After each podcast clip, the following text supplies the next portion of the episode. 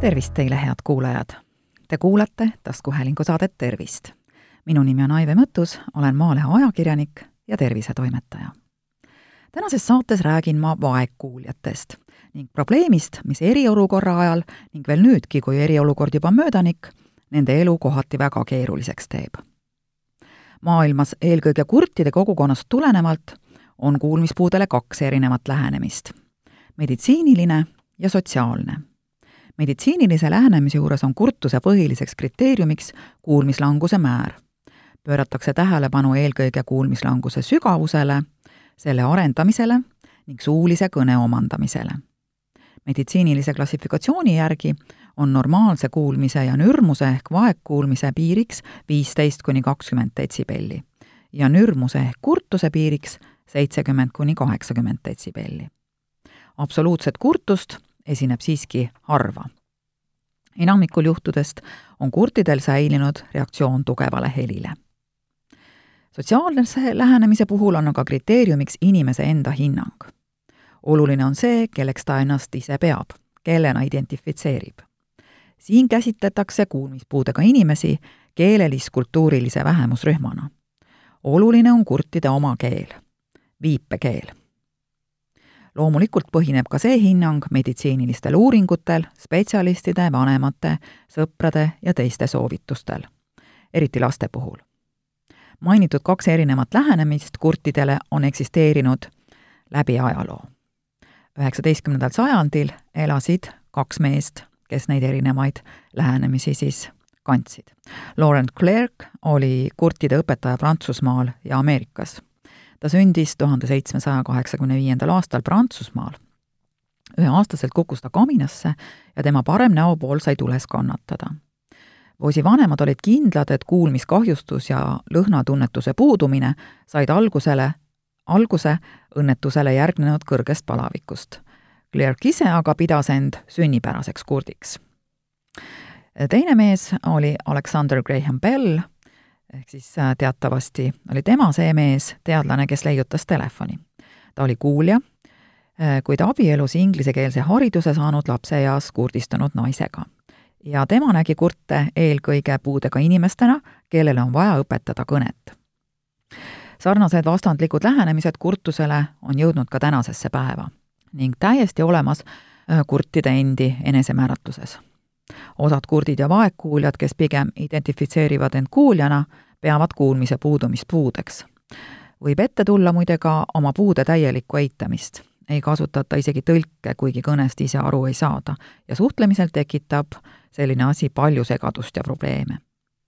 teine osa vaegkuuljatest peab end eraldi algkultuuriks, kes kasutab teist keelt, kuid seeläbi pigem rikastab maailma, kui oma maailma vaesemana tunnetab enamasti loevad ennast sellesse rühma kuuluvateks niinimetatud pärilikud kurdid. Eestikeelses terminoloogias valitseb mõningane ebaselgus.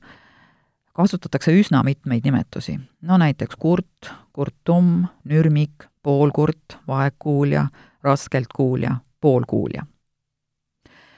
kui me nüüd võtame lähtekohaks selle, et kurt on see inimene, kes tõesti peaaegu mitte midagi ei kuule, siis äh, neid on Eestis umbes tuhat nelisada kuni tuhat kuussada, vaegkuuljaid kuni kakssada tuhat ning neist kahest grupist viipekeelseid kurte umbes kaks tuhat. uuringud on näidanud et, üks koma seitse protsenti ehk üks igast kuuest täiskasvanust on kuulmispuudega. tuhandest lapsest sünnib kurdina ligikaudu üks-kaks kui inimene on sündinud kurdina või jäänud kurdiks väikelapseeas, siis võib võõrastel inimestel tekkida raskusi tema kõne mõistmisel. rääkimine, kuulamine ja kirjalik kõne võib neile endile suuri raskusi valmistada, sest on ju väga raske õppida kõnelema ja kirjutama keeles, mida sa kunagi kuulnud ei ole. enamik neist inimestest valib enesele sotsiaalseks keskkonnaks kurtide kogukonna ja peamiseks kommunikatsioonivahendiks viipekeele, kuid see ei ole reegel sündinud kurtidel on sageli väga positiivne suhtumine oma kurtusesse. kui kurtus on tekkinud hilisemas eas, nii-öelda kõnejärgsel perioodil, siis nende inimeste kõne on suhteliselt hea. kurtuse ajaline kestvus on tuntav selle järgi, kas ja kuivõrd on kõne selgus mõjutatud. Neil inimestel on aga suuremaid probleeme identiteediga, millisesse sotsiaalsesse gruppi kuuluvaks ennast pidada.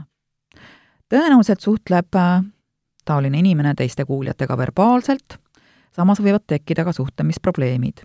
ta ei kuule, ei oska suurt lugeda, ei valda keha- ja viipekeelt Nendele vaegkuuljatele on tüüpiline see, et nad räägivad ise väga palju, kartes teistest mitte aru saada. Nad võivad tunda end oma kuulmise kaotusest tingituna puudega inimesena. samasugune identiteediprobleem võib tekkida ka nii-öelda piiripealsetel vaegkuuljatel, kes kurtide kogukonna liikmena end ei määratle, kuid kuuljate hulgas ei tunne end ka kõige paremini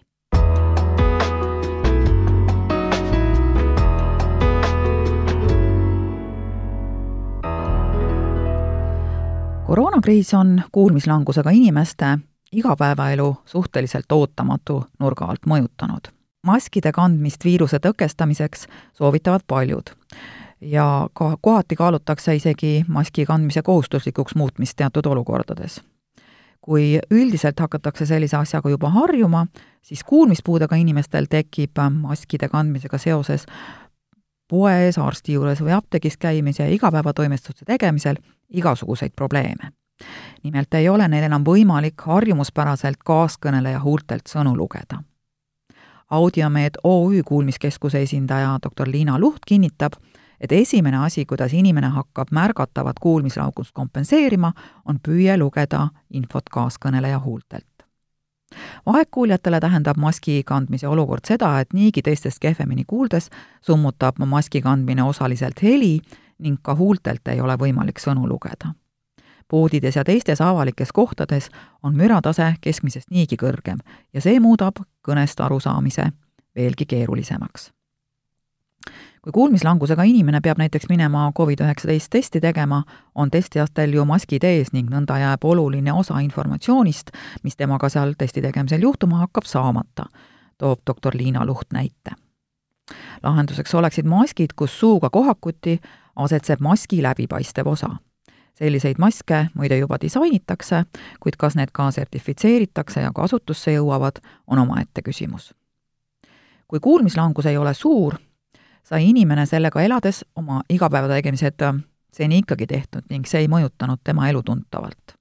nüüd oleme aga olukorras, kus märgatakse maskide kandmise tõttu üha enam, et kuulmisega võib olla probleeme. kuidas siis uues olukorras hakkama saada? üks võimalus on apteegis või poes kasutada kuuldeaparaadiga ühilduvat lisamikrofoni, kuid sel juhul tuleb mängu hoopis teine aspekt. käest kätte mikrofoni andes ei suuda me tagada selle desinfitseeritust. kuni teenindajatel läbipaistvaid maske pole ja ka head tehnilised lahendused puuduvad, peaks vaegkuulja poes või arstil apteegis käies teisele poolele oma eripärast märku andma. paljudel Vaegkuuljate Liidu liikmetel on olemas liikmekaardid, millel vastav info toimimiseks kirjas kuueteistkümnel protsendil täisealistest esineb kergem või raskem kuulmislangus. üle kuuekümne viie aastastest kannatab juba kolmandik kehva kuulmise käes ning eaga probleem vaid süveneb. Euroopas tervikuna ei kasuta vanemaealistest keskmiselt umbes kolmkümmend viis protsenti kuuldeaparaate. Nad kas ei soeta neid üldse või siis ei kasuta soetatud aparaate. kui märkate, et teil tekib vajadus tihti asju üle küsida, on see juba märk, et pöörduda tuleb spetsialisti poole mida varem, seda parem. aju niinimetatud õpivõime kahaneb aastatega ning mida hiljem alustada, seda raskem on ajul kuulmislangust kompenseerida ja ümber õppida ning abivahenditega harjuda ja neist kasu saada. igal juhul on kuuldeaparaadid ja nende lisaseadmed vaegkuuljatele abiks. laias maailmas on juba aastakümneid kasutusel olnud silmusvõimendid, mis aitavad kuuldeaparaadi vastavat programmi kasutades paremini kuulda Eestis on neid vähem kasutuses, aga võiks olla palju rohkem ühiskondlikes ruumides, et vajalik informatsioon vaegkuuljani jõuaks.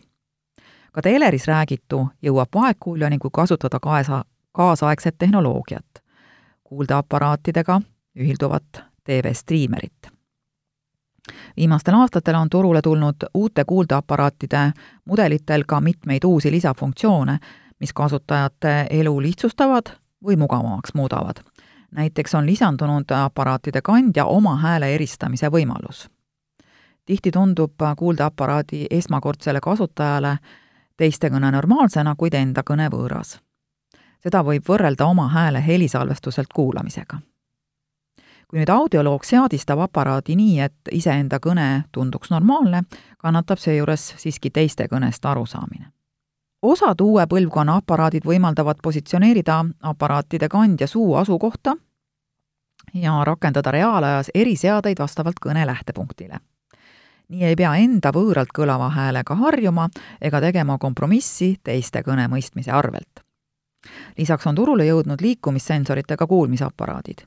kui varem sõltusid telefoniga ühenduvad kuulmisaparaadid iPhone'i liikumisanduritest, siis nüüd suudavad kuuldeaparaadid tänu akustilistele ja liikumissensoritele ka ise analüüsida, kuidas kasutaja liigub, kust kõne tuleb ning vastavalt sellele suunata mikrofone nii, et kõnet on kuulda igast suunast ja igas olukorras. populaarsust koguvad ka akudega kuuldeaparaadid, mida laetakse reeglina öösiti. akupangaga on võimalik laadida kuulmisaparaati neljaks päevaks. kaasaegsed kuuldeaparaadid ühilduvad ka kõigi mobiiltelefonidega nii, et kõne striimitakse mõlemasse kõrva